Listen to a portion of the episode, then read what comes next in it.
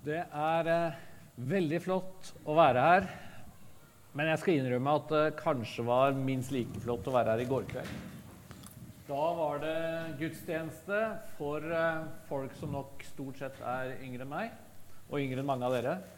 Eh, og det var utrolig flott å se. Ganske stappfull misjonssal. Masse ungdommer som var så klare for en ganske vanlig gudstjeneste. Og det siste som ble sagt i går kveld, det er at dere får lov å bli her. Og når gudstjenesten var ferdig, så var jeg den første som gikk, og jeg syns jeg venta ganske lenge. Så det sier noe om at det er mange som, som det du trakk fram også, Josefine, som vil ha fellesskap både med Gud og med hverandre. Og nå er muligheten for det blitt større når en del av disse restriksjonene er blitt borte. Dagens tekst er en tale som Jesus holder om de siste tider og om sin gjenkomst. Og Jeg vet ikke hvor opptatt du er av det temaet, men jeg har en følelse av at ganske mange kristne i vår tid ikke er så opptatt av når Jesus kommer igjen, eller så opptatt av tidens tegn. Ja, ja, han kommer når han kommer. Jeg tror det er mange av oss som tenker omtrent sånn. Og Da er det jo interessant å legge merke til hvor opptatt Jesus er av dette. Nå skal vi lese straks fra Markus 13, som er et helt kapittel hvor nesten alt på et eller annet vis handler om hva som skal skje om de siste tider. Og det fins mange andre tekster òg. Og jeg syns det er noe av det jeg har lyst til å prøve å tenke igjennom sammen med dere denne søndag formiddag. Hvorfor er dette viktig? Hva har det å bety for meg her og nå i vår tid? La oss kort be sammen før vi leser. Kjære himmelske Far, vi ber om at du kommer til oss denne formiddagen. At du er midt iblant oss, som du har lovt. At du møter oss gjennom ditt ord. Og at du gir oss noe som eh, blir mat for sjelen vår. I Jesu navn. Amen. Vi hopper altså midt inn i en tale som Jesus holder. Det er Markus 13, og vi da leser fra vers 21. Om noen Ja, skal vi reise oss? Det kan vi gjøre.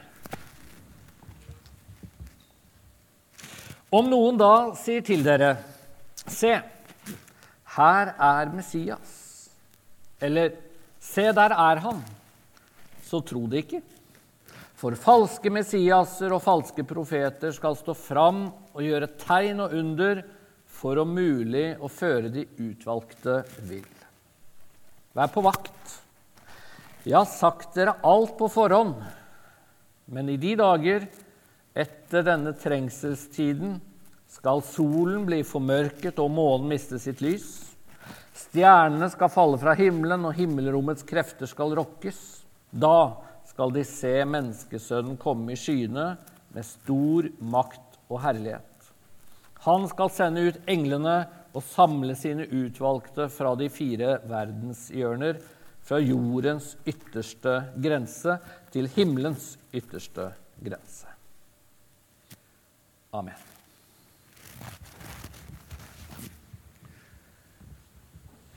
Jesus er innom flere ting i disse versene. Og han starter på mange måter med en advarsel. Vær på vakt, sier Jesus. Ikke la dere forføre av falske messiaser eller falske profeter. Og så kan jo hver enkelt tenke igjennom hvor relevant, hvor aktuell oppleves den advarselen? Og noen vil kanskje si ja, jeg håper jo egentlig det.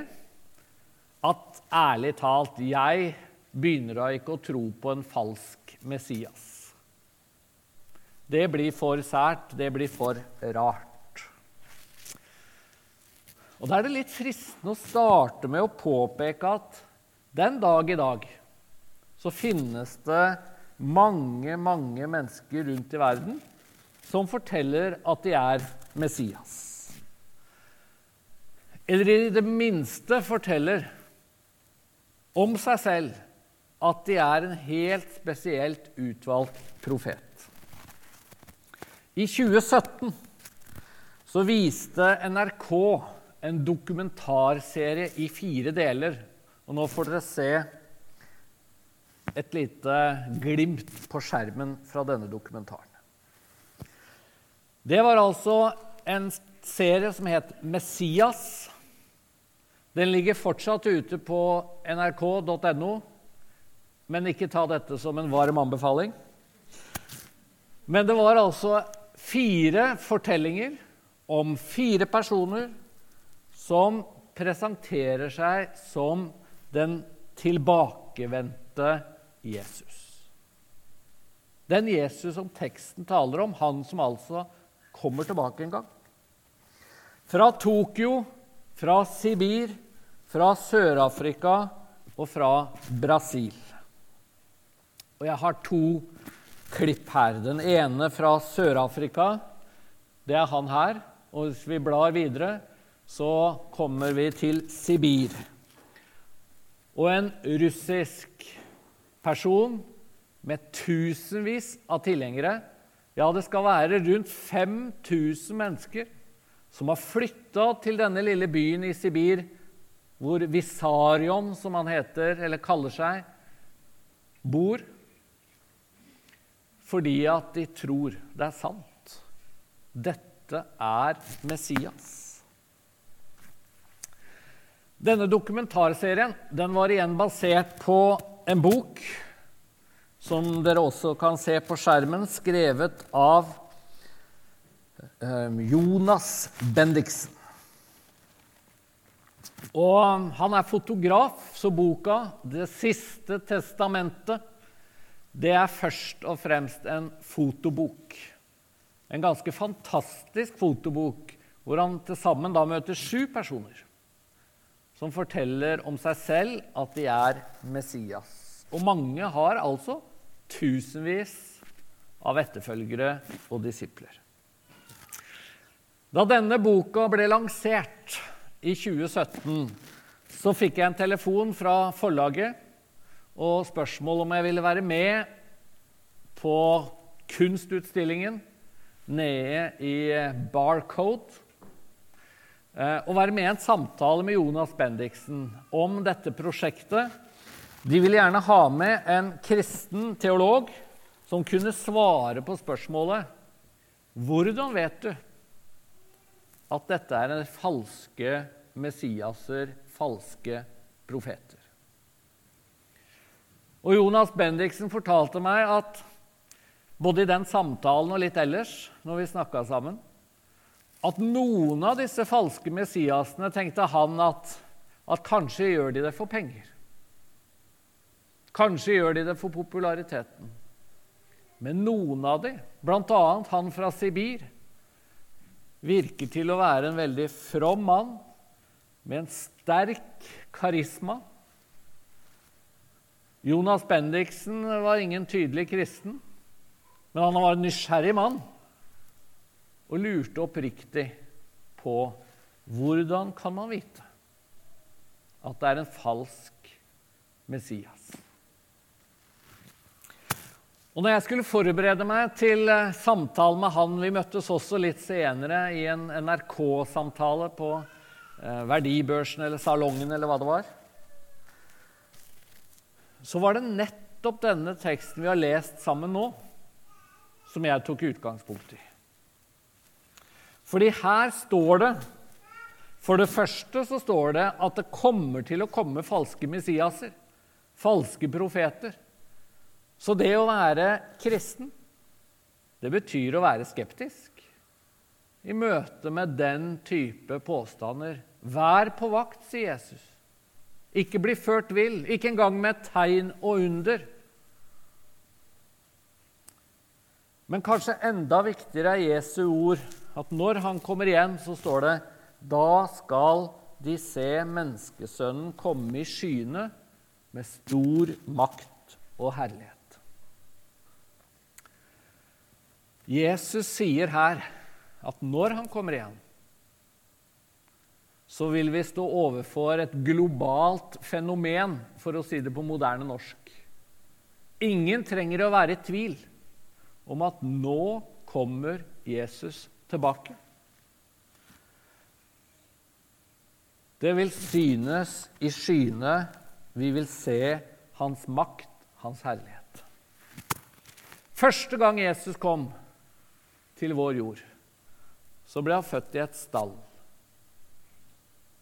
Som et svakt, lite menneskebarn. Og ved første øyekast var det nok vanskelig å se for seg at dette var Guds sønn. Dette var Messias. Men når han kommer igjen andre gang, da er det annerledes. Da kommer han i skyene med stor makt og herlighet. Og så tror jeg fortsatt det er sånn for de fleste av dere at ingen har vurdert å kjøpe en billett til Sibir. Hvilket jeg for så vidt fraråder, for nå sitter Visarion i fengsel der. Eh, ble arrestert for, noen, for et års tid siden. Men det er lett å tenke at ja, men jeg er ikke så lettlurt. Jeg går jo i misjonssalen, og jeg leser min bibel. Men jeg lurer litt på om det ligger en, en advarsel i denne teksten fra Jesus som, som kanskje kan gjelde oss alle. Og det er denne advarselen mot å gjøre mennesker til profeter i våre liv. Og så plutselig kan de bli til falske profeter. For det fins mange historier, dessverre, om kristne personligheter, om predikanter og pastorer og ledere som har Om vi ikke kaller de profeter, så har de i hvert fall vært viktige for mange. Og hatt en viktig posisjon, fremstått som forbilder. Og så gjør de noe veldig, veldig dumt eller uheldig eller skadelig. Særlig fra USA, kanskje, så hører vi om pastorer og ledere som er utro eller lever et dobbeltliv eller blir tatt på fersk gjerning når de er hos en prostituert. Vi hører om TV-predikanter som svindler, begår skatteunndragelser. Om forkynnere Fremstående forkynnere som skifter teologi helt, eller til og med forlater kristen tro.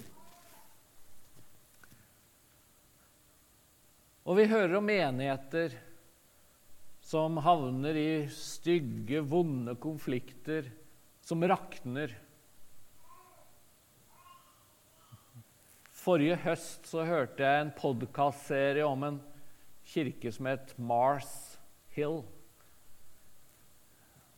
som hadde 17 000 medlemmer, hadde opplevd en enorm vekst på ganske få år. Og så kom det en konflikt. Og så viste det seg at eh, pastoren hadde noen ordentlig problematiske sider. Og så raknet alt.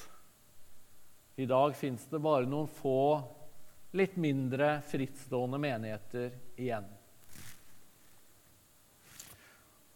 Og når jeg hørte den podkastserien, og veldig mange fortalte hvordan det virkelig gikk på troen løs Å se at pastoren de hadde hatt en nesegrus tillit til, han svikta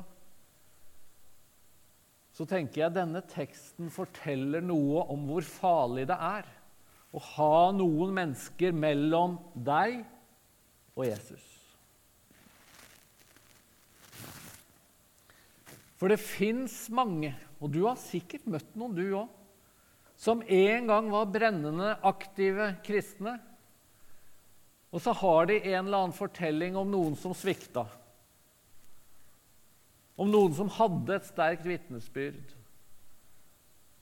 Eller et eller annet som var viktig, og så gikk, gikk det i vasken. Så gikk det galt.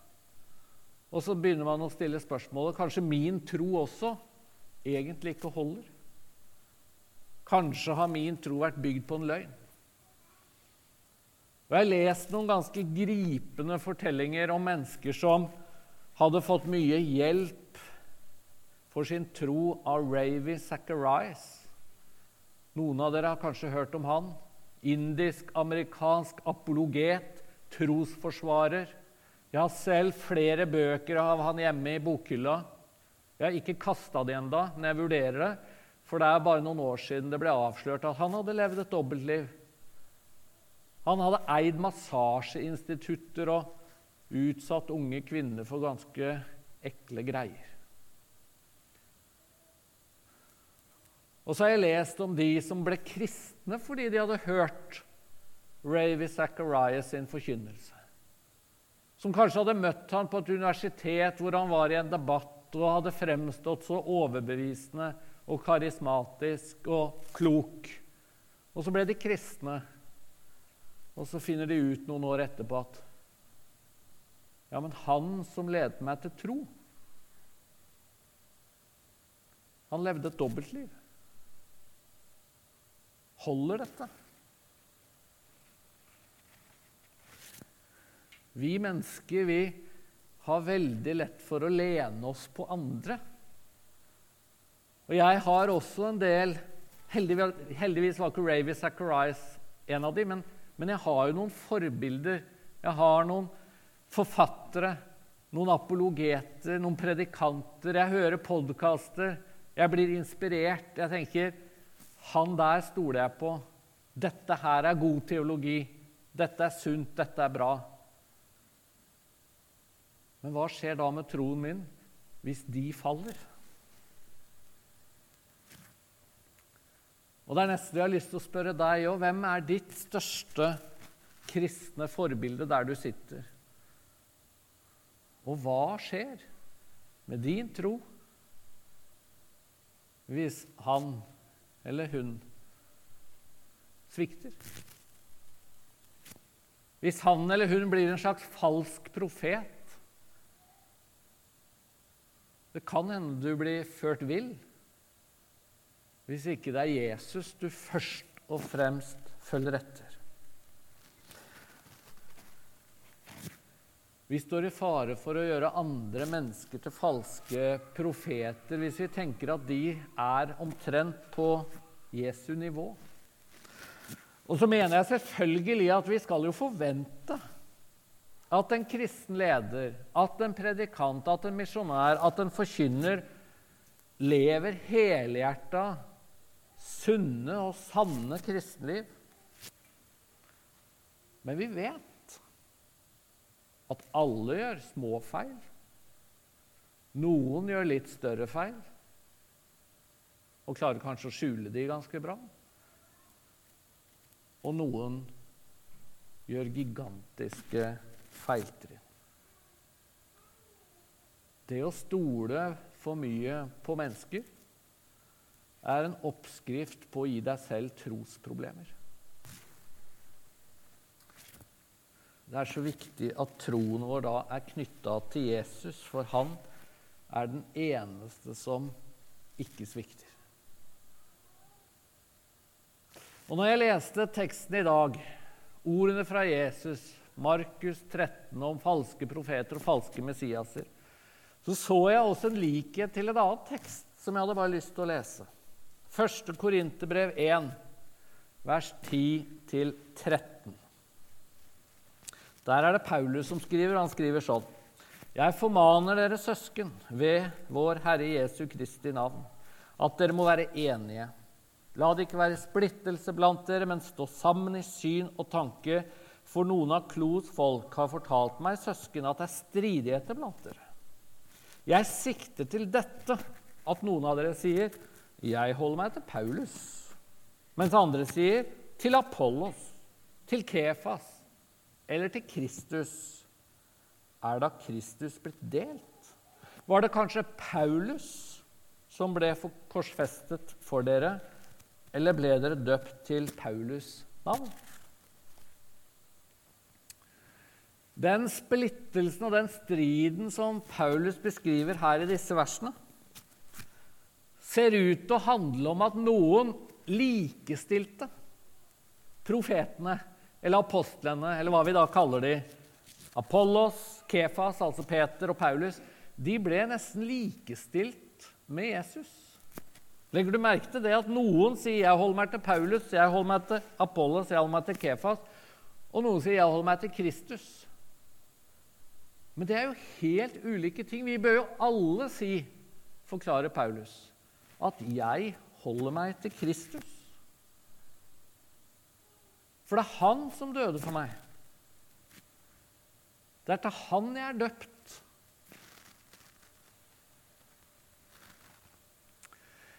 Jeg er ikke av de som tenker dette uttrykket 'personlig kristen' kanskje er det aller beste uttrykket som fins. Jeg vet ikke hvor mye det blir brukt lenger. Noen av dere har helt sikkert hørt det mye, men kanskje noen av de yngste nesten aldri har hørt at noen sier 'jeg er personlig kristen'. Men denne teksten, og kanskje også Jesu advarsel som vi startet med, er en påminnelse om at det du og jeg trenger, det er et personlig forhold til Jesus. Og la oss vokte oss for at noen andre mennesker blir et slags mellomledd mellom han vi tror på, og oss selv. Mennesket vil svikte. Jesus svikter aldri.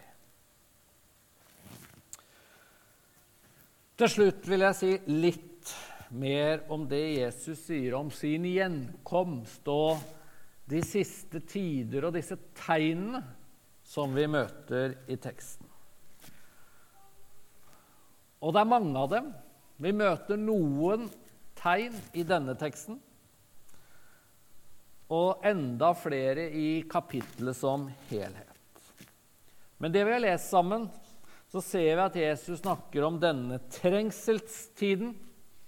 Han snakker om at solen skal falle fra himmelen, at himmelrommets krefter skal rokkes. Ja, at stjernene skal falle fra himmelen. Han snakker om at solen blir formørket, og månen mister sitt lys.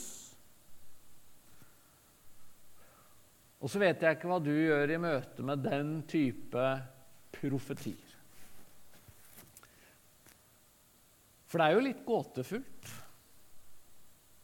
Hva er det Jesus sikter til når han snakker om solen og månen og stjernene? Hvilke fenomen er det vi kan komme til å se? Himmelrommets krefter skal rokkes. Hva betyr det? Og Det er lett kanskje å bli litt spekulativ og, og prøve å se for seg hvordan en solformørkelse eller, eller noe annet kan skje. Men jeg tror det store poenget, en tolkningsnøkkel til alle disse tegnene som Jesus beskriver, det er ordene 'Jeg har sagt dere alt på forhånd'. Og Da tror jeg ikke poenget at vi på forhånd skal kunne så å si gjette oss til nøyaktig hva som vil skje en gang der framme. Men de som lever når det skjer, de vil få trøst og hjelp av å vite at Jesus han sa det på forhånd. Han forberedte oss. For det vil være en påminnelse om at Gud har kontroll når verden ser ut til å gå av hengslene. Og jeg tenker Det er litt av det som også er poenget når Jesus ganske ofte sier, og, og vi også møter det ellers i Bibelen, om forfølgelse. Har de forfulgt meg, vil de forfølge dere, sier Jesus. Og akkurat nå fins det nok noen tusen, eller kanskje til og med noen millioner mennesker som finner masse trøst i det. For hvis ikke Jesus hadde sagt har dere forfulgt meg, vil de forfølge dere, så er det jo lett å tenke at svikter, jeg, svikter Gud meg nå, når jeg opplever forfølgelse? Gjør jeg noe galt nå, siden jeg opplever forfølgelse? For det står jo mye i Bibelen om velsignelsen ved å tro. Men nettopp fordi Jesus har forberedt hans disipler på muligheten for forfølgelse, så er det så masse trøst i de orda. Og jeg tror det også er sånn med ordene om de siste tider. De som opplever dette, de som vil oppleve en trengselstid Og kanskje er vi der, kanskje er vi snart der, kanskje er vi noen kristne der. Men det er trøst å vite at du har ikke nødvendigvis gjort noe alvorlig galt, selv om livet som en kristen blir vanskelig. Det er ikke nødvendigvis sånn, heldigvis, at Gud har snudd ryggen til deg. Og Så blir det en påminnelse også, disse tekstene, om at, at kristendom er ingen garanti for at livet med Jesus blir et enkelt liv. Jeg håper og tror at det er veldig mange som opplever at det er godt å leve under Guds nåde. Det er godt å leve under Guds velsignelse. Det er en glede i troen. Men det er ingen garanti. Og trøsten til de som har det vondt, de som opplever forfølgelse, de som opplever at det koster Trøsten er at en dag kommer han i skyene med makt og herlighet. En dag skaper han en ny himmel og en ny jord. En dag er tårene borte, sorgen borte, smertene borte. En dag blir alt nytt. Og du og jeg kan vite at dette livet er ikke alt.